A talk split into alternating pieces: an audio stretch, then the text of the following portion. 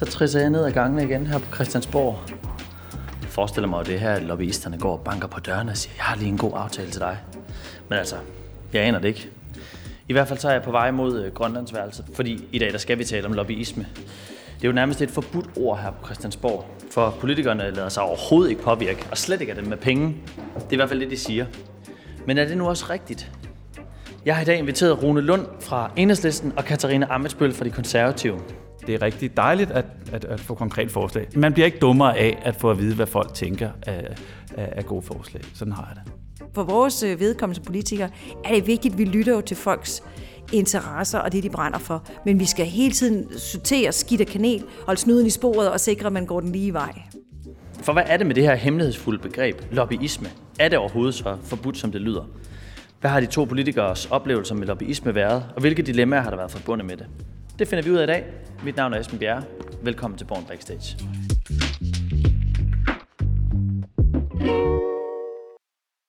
Jamen, øh, velkommen til. Øh, jeg har en klokke her. Meget, meget fin lille, vi har fået lov at låne af Folketinget. Og det er, hvis I ligesom kommer for meget ind på, øh, på politik, fordi planen er, at podcasten her skal prøve at styre så meget udenom øh, partipolitik som muligt. Se, om I kan, om I kan presse klokken, så, øh, så skal jeg nok øh, dinge. Men, men lobbyisme er jo det her ord, som, som nok har nogle konnotationer for mange mennesker, som er noget lidt lyssky og noget dårligt. Men, men hvordan vil I to definere lobbyisme? Altså, hvad er lobbyisme, Katrina? Lobbyisme er tit forbundet med noget negativt.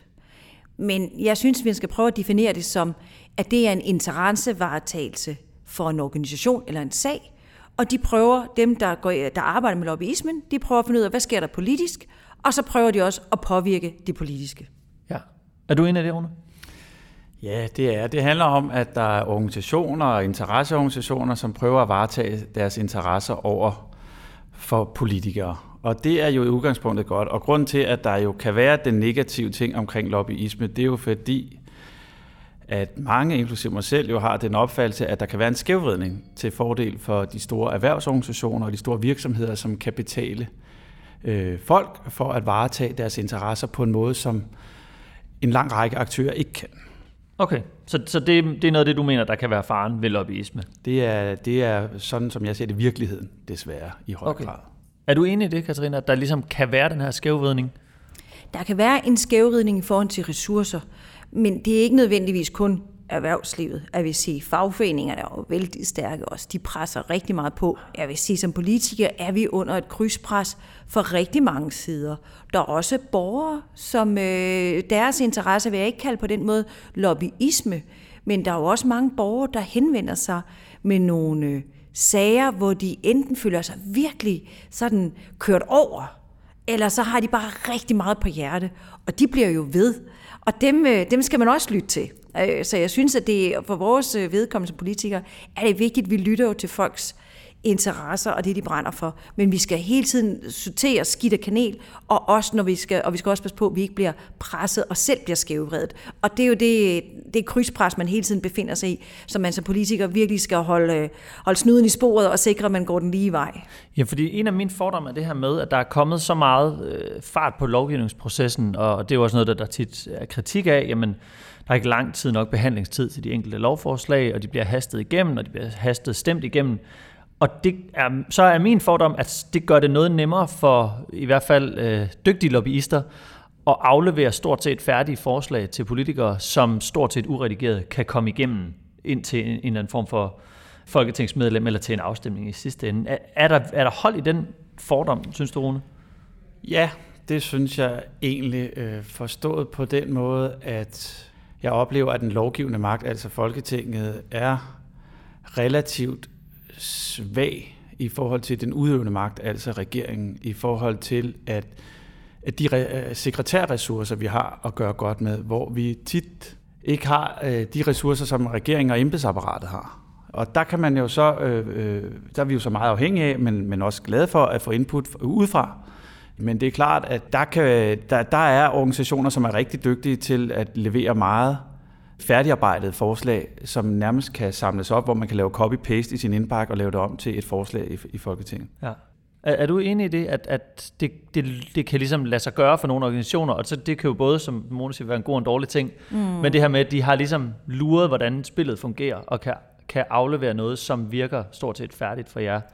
Ja, det kan de, og det er jo særligt et, øh, en udfordring, hvis man er et lille parti, og ikke har så meget sekretariats øh, hjælp. Og med sekretariat, så er det ikke sådan kun at booke en kalender eller lave en mødeindkaldelse eller sådan noget. Nej, der mener vi, at vi har et politisk sekretariat af nogle øh, dygtige mennesker, så som går det igennem. Ja. Og som også går tilbage i vores egen historie. Hvad har vi sagt tidligere? Hvad har der været før? Og hele tiden ser på hele det parlamentariske, øh, parlamentariske historie, der ligger i det. Men også at se, hvor er der nogle faldgrupper. Altså, hvad er plus og minus i sådan et forslag? Og hvis man ikke har den øh, ressource inde i sit eget parti, så er man jo meget mere sårbar over for interesser udefra. Fordi man simpelthen ikke har, har ressourcerne til selv at regne tingene igennem, eller, ja. eller løbe historien Og så er der igennem. netop lige præcis det, du siger med hastigheden.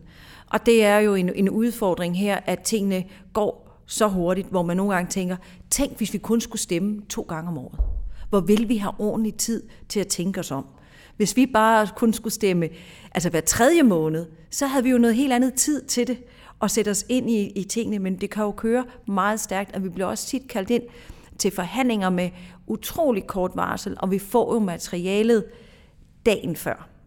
Nu begynder vi at få det dagen før, men under corona fik vi det jo aften før eller samme morgen, så er der jo ikke meget tid til at gå det igennem. Øh, og der er det jo klart, at man er mere modtagelig for noget, der kommer udefra, når vi har virkelig kort løbebane til at skulle tage nogle beslutninger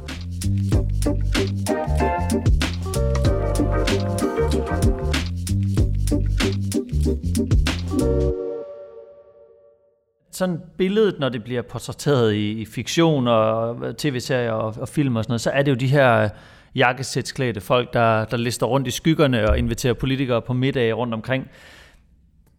Altså, er der, findes det, den her type lobbyisme i Danmark stort set? Jeg synes, det er meget forskelligt. Altså, øh, en henvendelse sker typisk ved, at måske prøver folk at ringe først. Hvis ikke de kommer igennem, så sender de en mail om, de har ringet, hvad de gerne vil sige, og så vil de gerne holde et møde. Så vil jeg typisk bede dem om at sende en, en halv til en hel side om, hvad, hvad det er, de konkret foreslår. Og så hvis, øh, hvis det er noget, øh, hvis jeg forstår, hvad de vil øh, ud fra mailen, så tænker jeg, tak for det, det er jeg rigtig glad for. Jeg vil gerne have muligheden for at vende tilbage, men jeg vil gerne gemme et møde til en anden gang. Og på den måde, så kan man jo få meget input, og jeg vil rigtig gerne have, have kvalificeret input for, for, for alle. Og det er så ikke altid, man holder et møde, men det er rigtig dejligt at, at, at få konkret forslag. Nogle gange, hvis det er folk, man er uenig med, så er det også meget rart at vide, hvad fjenden tænker. det kan jo også være en fordel. Altså, hvordan, man bliver ikke dummere af at få at vide, hvad folk tænker af, af, af gode forslag. Sådan har jeg det.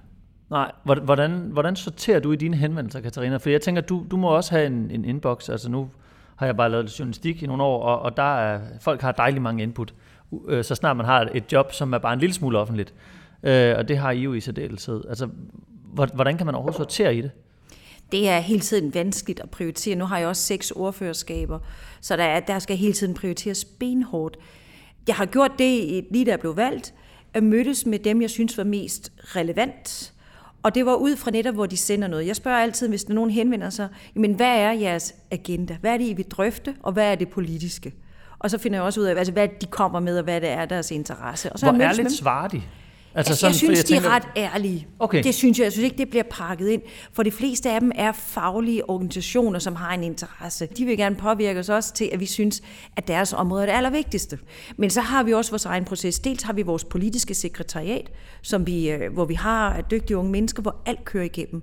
Det vil sige, der er ikke nogen af os i vores, øh, i vores folketingsgruppe, der går ud med noget, uden at det har gennem, været igennem vores politiske sekretariat, som er det der filter. Og det er og ligesom må, det, Rune snakker om. Ja, altså, hvor de og så folk må vi heller ikke tage nogen beslutninger, uden det har været på vores gruppemøde. Men det vil sige, at vi har altså selv sådan nogle, nogle, nogle filtreringsmekanismer igennem, så vi, vi, der er ikke et folketingsmedlem, som sådan kan blive fuldstændig presset af, af, af, en, af en interesse umiddelbart. Jeg ved, i EU er der jo hele det her lobbyregister, hvor du kan simpelthen slå mm. op og se, hvor arbejder folk, hvor får de løn fra. Det har vi jo ikke rigtigt i Danmark, det her. Er det et problem, at vi ikke har den gennemsigtighed jeg synes egentlig ikke, at vi er så store, som, øh, som man kan sammenligne med Bruxelles og EU, hvor det er meget organiseret lobbyisme.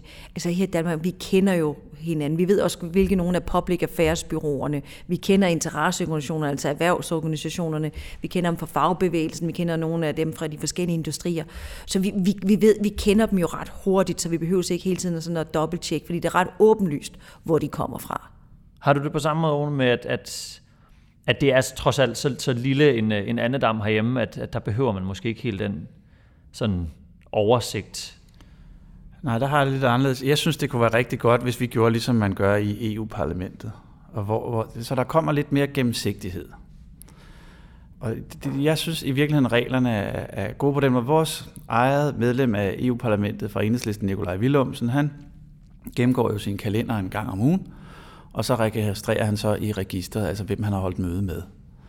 Og det synes jeg i virkeligheden, jeg synes det ville være rart, hvis vi også fik sådan et register herhjemme, som Folketinget kunne administrere på samme måde, som EU-parlamentet gør det. Jeg, jeg tror, det vil give noget mere gennemsigtighed, noget mere transparens, og det tror jeg egentlig vil være til gavn for demokratiet. Så det synes jeg faktisk øh, ville være rigtig godt, hvis det var noget, vi gennemførte. Men er der ikke bare en far for, hvis man gør det, at så alle de, som I også siger, det er helt klart også min, min opfattelse, at langt de fleste lobbyister, som jo er fuldstændig hederlige og bare varetager et firmas interesser eller en organisations interesser, de vil selvfølgelig registrere sig, men alt det, som man måske gerne vil prøve at luge ud i, altså den, den lille del, som måske kan være problematisk lobbyisme, de vil alligevel ikke være dem, som skrev sig ind i Nikolaj Willumsens kalender. Altså de vil sørge for at, at holde møde på en bar en sen aften, uden at det stod i kalenderen. Altså kommer man der overhovedet til livs på den her måde, eller lader man bare som om, og så kan man øh, blive rost af Transparency International?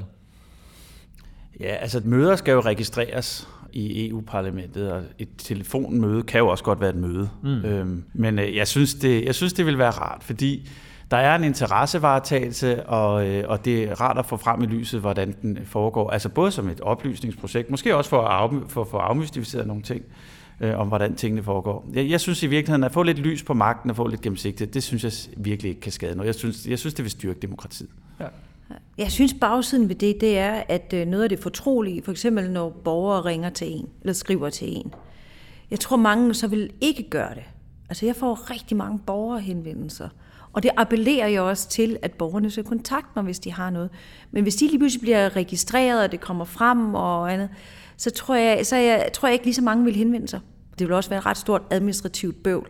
Vi taler og skriver med jo ufattelig mange mennesker øh, i løbet af en dag, altså på rigtig mange ting, også på mails. Hvor er så grænsen? Skal vi så mm. også registrere alle de mailhenvendelser, vi får? Fordi nogle gange kan man sige, at det er lobbyisme, når du gerne vil gøre opmærksom på, hvor mange psykisk syge der er, hvor lang ventetid de har, hvor mange der ryger for hurtigt ud øh, fra de behandlingsstederne. Er det lobbyisme, eller er det information? Ja. Og der er det jo bare vigtigt, at man også har en tillid til, at vi politikere, altså også vores sunde fornuft, vi er jo ikke sådan nikkedukker, der hele tiden bliver påvirket så fra den ene til den anden, og så hvis øh, tobakindustrien henvender sig til mig, så lige pludselig synes jeg, at, at unge godt må ryge deres skoletid. Så jeg synes også, at man skal have lidt tillid til, til vi som politikere, især også når man har nogle år på banen, at vi lader os jo ikke sådan lige dreje om, om hjørner med på den måde. Øh, vi får mange interesser, der også er modstridende. Og ikke, så vi, vi får sådan en krydspres, men det synes jeg er jo rigtig sjovt at se. Når man, der bliver vi jo også klar over, når der er nogle modstridende interesser, hvordan prøver vi at lande det her? Og så giver det faktisk en meget god diskussion og en debat, fordi der kommer nogle ting på bordet. Og vi kan vi jo, som politikere skal vi jo passe på, at vi ikke bliver eksperter, fordi det er vi jo ikke. Vi skal jo prøve at se på rammevilkår, vi skal jo se på, hvad der er vigtigt at varetage de interesser for, for Danmarks bedste. Og det er jo derfor, vi også er afhængige af at få information. Man skal bare være klar over, at når der kommer information, at det kan være farvet og tendentiøst, fordi de varetager nogle særlige interesser. Og det er der, man hele tiden skal være ops og se, ups, der er, lige en, der er en rød klokke, der, der lige ringer. Ikke? Og det, det kræver, at man er lidt skarp på det og går ind og så spørger dem om nogle ting.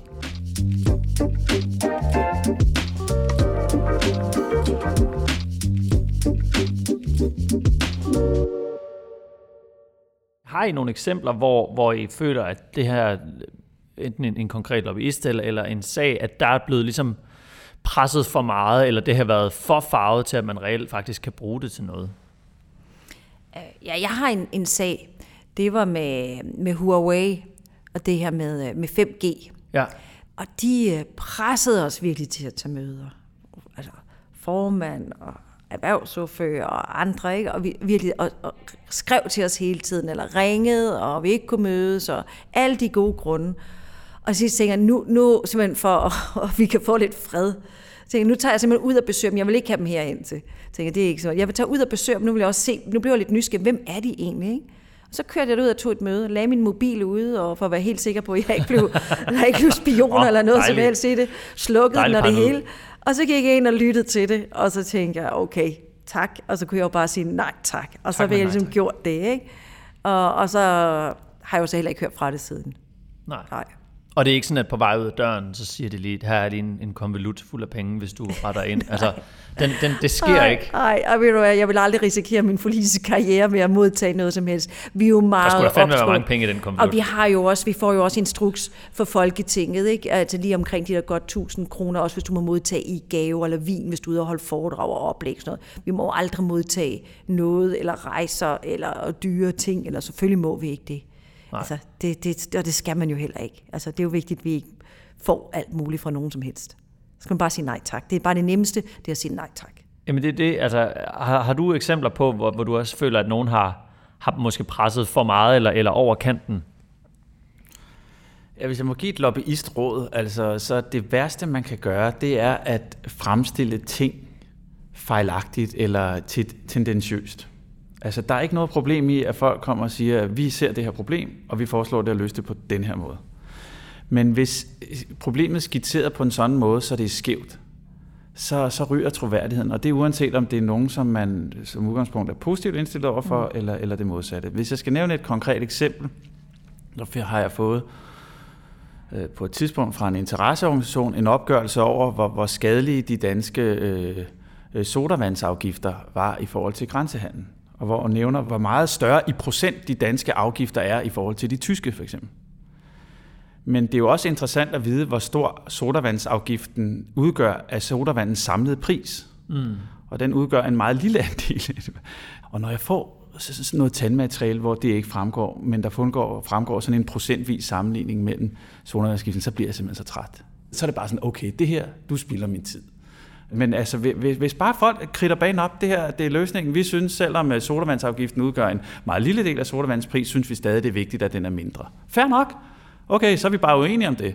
Øh, men øh, men man bliver simpelthen nødt til at fremstille tingene uh, retvisende. Og der er selvfølgelig altid en vurdering af, hvad, hvad skal man lige lægge vægt på og sådan ting. Der er et vis spillerum, en vis elastik, men der er simpelthen en grænse, man ikke kan træde over. Jamen jeg tænker, det er jo, det er jo et godt eksempel på ja. noget, hvor det er meget specifikt og meget konkret, og ja. man behøver måske ikke at have en, altså, 10 års uddannelse fra CBS, for at kan finde ud af, at det er ikke hele billedet, der bliver sendt her, eller det er i hvert fald et meget lille udsnit af det.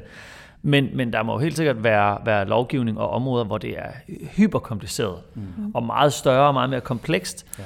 Hvor man ikke bare lige som menig folketingsmedlem kan gennemskue, mm. om det her, der bliver sendt, er rigtigt. Så, så, så der falder det vel tilbage på, jamen, at der er der et, et ulige magtforhold, nogle gange mellem organisationer eller lobbyister generelt, og jer som politikere, fordi de godt spiller på, jamen, de har bare større muskler end jer, og, og, og bliver det så ikke et problem? Det kan det i hvert fald godt. Vi sidder med komplicerede ting, og jeg vil sige, det grønne område og, og energiområdet, ja, altså det er, det er jo et forsyning, godt eksempel, ja. Det er meget komplekst. Altså alle de forskellige nu øh, forsyningsenheder, vi skal bruge til at koble sammen, altså om det er biogas, eller det er vindmøller og solceller, det er energiø og power to x, og hvordan vi skal sætte hele det her sammen for at nå vores CO2-reduktionsmål. Og det er jo nogle beslutninger, vi skal tage, der skal være fra 15 år til 30 år. Mm. Det er altså store ting, der skal regnes på ind, og hvad det koster, for det er rigtig mange penge. Ikke? Men det, jeg bruger det til, og det man kan gøre jo, det er, når vi får de her ting ind, og der kommer forskellige holdninger og betragtninger, man selv sidder og tænker, Nå, hvordan var det før? Hvad er det så, der foreslås? Og hvorfor skal der ikke være det her? Hvorfor vil man fjerne loftet på øh, reguleringen af, af overskudsvarme, for eksempel? Eller sådan noget. Men det jeg så gør, det kan jeg, jeg kan jo stille de spørgsmål over til ministeriet. De har jo embedsapparatet. Så jeg kan jo gå derover og så spørge dem, hvad tænker de om det? Og så får jeg jo også tjekket, får de det samme information. Og så noget af det der er i tvivl om, så spørger jeg jo bare dem. I stedet for at gå tilbage til dem, der har sendt mig informationen. Og hvis vi ikke selv kan komme med et svar. Så vi gør jo også rigtig meget det, at vi stiller både udvalgsspørgsmål, det vil sige det er meget formelt, hvor vi sender over til øh, ministeren. Men gennem processen her sender vi bare hele tiden løbende spørgsmål over til øh, embedsapparatet, og de sender så svar tilbage, og det bruger vi. Og derfor kan det også godt trække ud med forhandlinger, fordi vi siger, at vi skal altså svare på de her spørgsmål, inden vi kan tage en, træffe en beslutning. Og det synes jeg egentlig bliver respekteret helt udmærket. Ja. Er det også en af de måder, I bruger? Fordi I sidder jo heller ikke øh, som, som et kæmpestort parti, så der må også være grænser, uanset hvor mange dygtige medarbejdere I så har, for hvad I ligesom kan regne efter, og hvad I kan tjekke. Øhm, altså bruger man, ja, det er jo så øh, regeringens ministerier. Vi stiller også masser af spørgsmål til, for at høre regeringens holdning eller embedsapparatets holdning til en ting. Det, det, som man bare altid skal huske på, det er, at embedsapparatet er regeringens embedsapparat. Det vil sige, at man kan godt få øh, faktuelle oplysninger ud og den slags ting, men man kan altså også risikere, at nogle af de svar, man får, er politisk tonet. Eller de har valgt at forstå et spørgsmål på en bestemt måde, som måske stiller regeringen i et mere positivt lys, end hvad det egentlig burde være. Øh, så, og derfor så er det også vigtigt, at, at vi har vores egen folk. Altså det er igen øh, det der med, at vi har vores egen fagsekretær, altså vores egne rådgiver, som, som er inde i stoffet og som kan øh, Øh, og sammen med os andre, og sammen med os folkevalgte, kan, kan, kan se på de svar, der får, for, for eventuelt at stille opfølgende spørgsmål, eller søge informationen andre steder. Øh. Så du synes næsten nogle gange, at, at hvis man får en henvendelse fra, fra en lobbyist, jamen så hvis det at sende det videre, det er nærmest at sende det til en, en anden type lobbyist, det er så bare regeringen i den her tilfælde, i nogle tilfælde? Mm, ikke helt på samme måde, men jeg er da tit ude for, at jeg synes, at jeg får mere retvisende information, end jeg nødvendigvis får i et ministersvar. Eller i hvert fald er sådan forstået på den måde, at jeg kan bruge øh, ved, at, ved, ved at læse i forskningsrapporter, eller, eller, eller, eller der er en professor, der ved noget, eller en ekspert, der ved noget, altså få noget information, som ligesom kan være en modvægt til det, der kommer fra Finansministeriet, eller Øh, eller andre steder, altså som, så, og som, som er en anden måde at se tingene på. Øh, så det er jo ikke sandheden eller den guddommelige sandhed, som der kommer i et skriftligt svar fra et ministerium. Det, vil, det kommer fra et embedsapparat, som gør sig umage med at levere ordentligt svar, men som i sidste ende er regeringens embedsapparat. Og det, det, det, det, det må man aldrig glemme som, som medlem af Folketinget.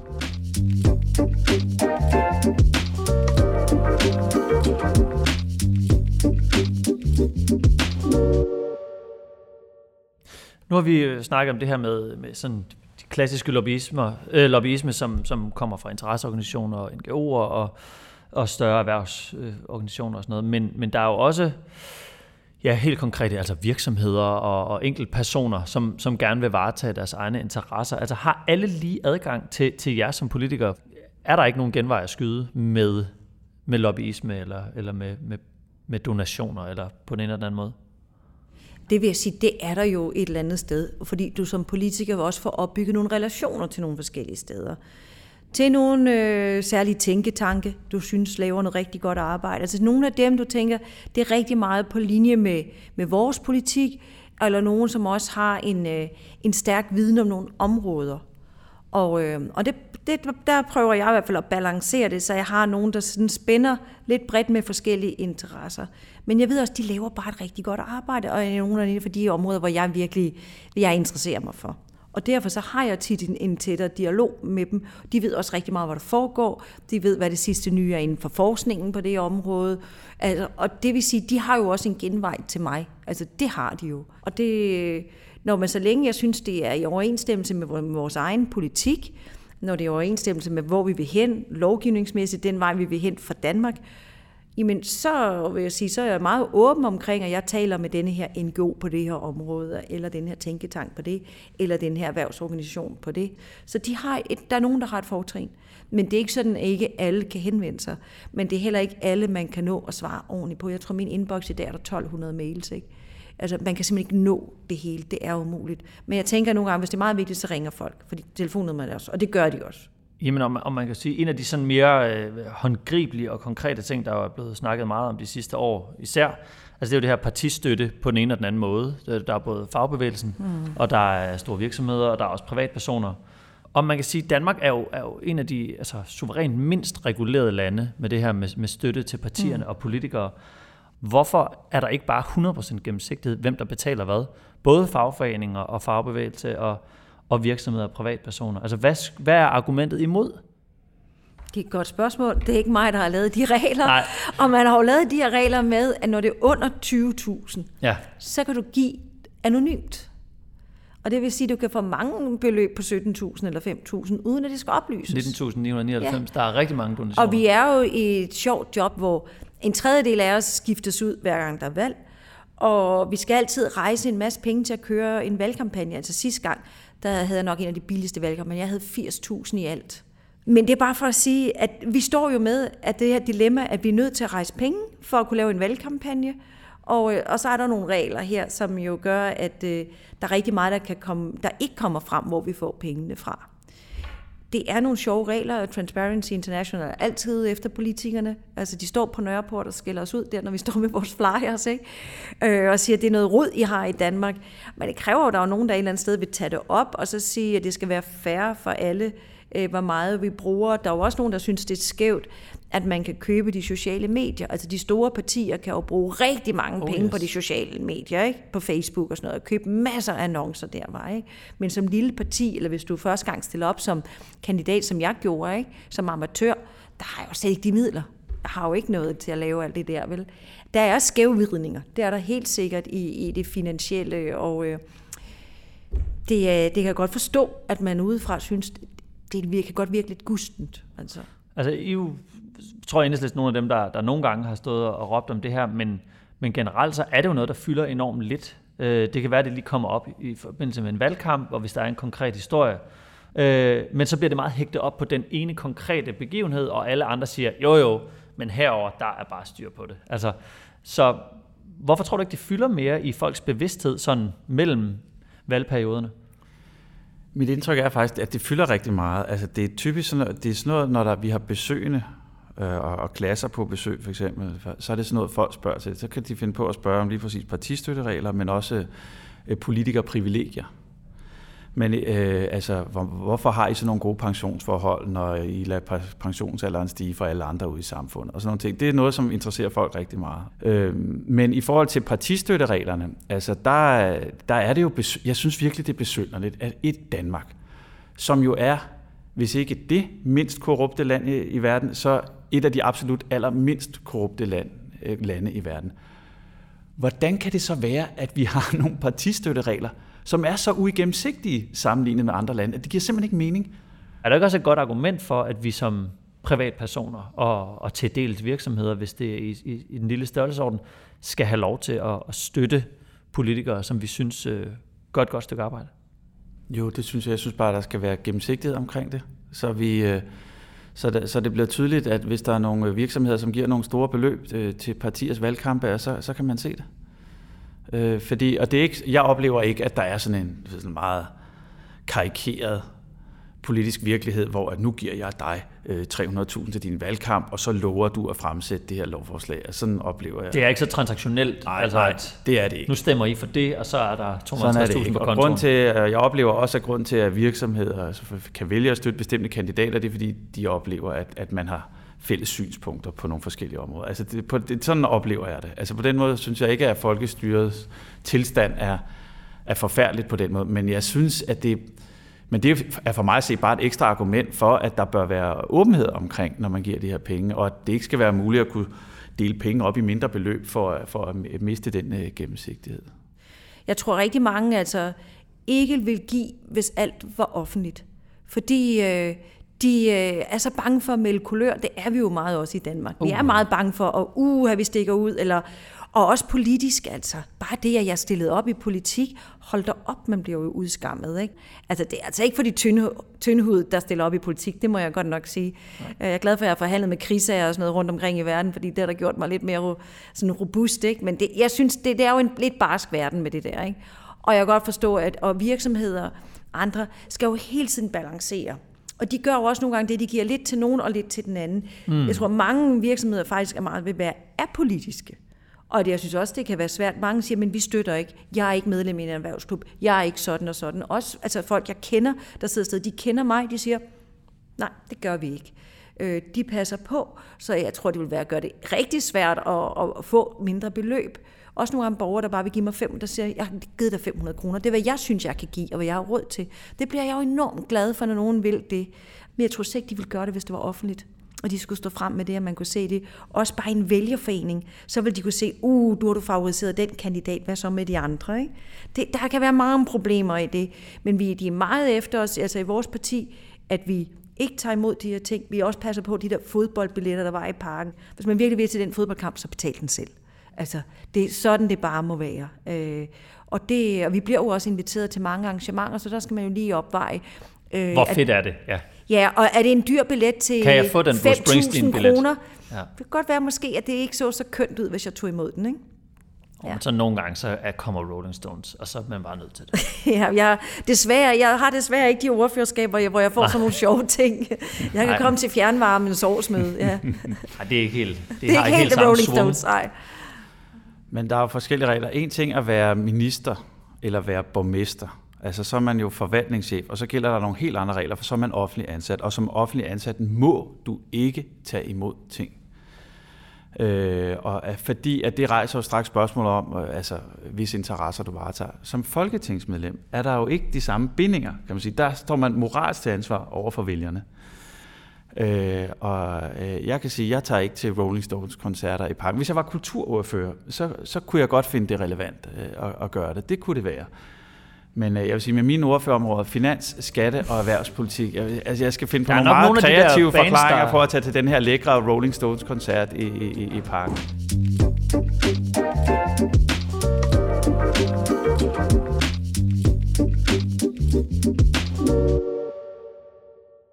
Her til allersidst, kan I, kan I give mig en, en, sådan en, øh, en, en kort guide til, hvis jeg var lobbyist? Altså, hvad vil ligesom være den optimale lobbyists arbejde? Altså, for mig vil det være, at du, du skal have en vigtig sag, eller et reelt problem, om jeg så må sige, ikke? Altså, som er samfundsrelevant. Og det er jo en vurdering. Så, øh, så det skal allerede være noget, der ligesom lapper ind over ja. noget, du føler er Og så skal det selvfølgelig, så vil det optimalt set, så være det noget, hvor at øh, folk tænker, jamen det her, det er noget, som, som egentlig er en, som noget, som enhedslisten nok vil interessere sig for. Så vil det være at sende mig en mail, med, med, øh, hvor det er skrevet ned på en side præcis, hvad man foreslår, og, og, og hvad det konkrete forslag er øh, og så med, med tilbuddet om et eventuelt møde. Okay, det lyder dødssygt. Det er ret kedeligt, men det er, det er faktisk meget sådan, det foregår. Kom med et, det skal ikke være langt. Vi vil ikke have to sider overhovedet. En halv side. det er ligesom halv side. Ja. Hvad er, Bullet pro- points. hvad er problemet? Hvorfor er min interesse? Vær klar omkring, hvad er min interesse i det her som lobbyist? Hvad er det, jeg gerne vil have ud af det her, havde jeg nær sagt. Og så komme med de forslag, og så sige, det er det, vi gerne vil. Har du mulighed for at tage en møde eller en snak, og hvis det er en person, sådan noget, så tager jeg 20 minutter, hvis det er relevant. Hvis det er to, og det er rigtig relevant, tager jeg 40 minutter. Og man kan ikke logge jer på restaurant eller et eller andet, Nej. hvis man er lobbyist. Jeg tror, det har været en anden tid. Jeg tror, det har været sjovere tidligere. Der tror jeg, der var ja, de meget gamle mere, dage. Der ja. tror jeg, der var meget mere sådan noget ja. der, ikke? Ja. Men jeg, jeg, tror altså ikke, der er så meget af det der mere. Så sparer jeg de penge. Ja. Men det sparer øh, også lobbyisternes tid. Altså, der er jo ingen grund til at sidde og holde en møde, hvis man, hvis man kan nøjes med at sende et stykke papir frem på en A4-side, og så lige øh, køre et par mails frem og tilbage. Jamen, øh, tusind tak, Rune Lund, Katarina Ammesbøl. Tak fordi I kom. Selv tak. Selv tak. Velkommen. Dejligt. Jamen, øh, I er fri. Gode spørgsmål. Men jeg sidder der og tænker på, om det kunne være, når det bliver valg, kunne være, vi kunne lave noget sammen, hvis vi begge to stillede op her i København. Det kunne være, altså det synes jeg er fint.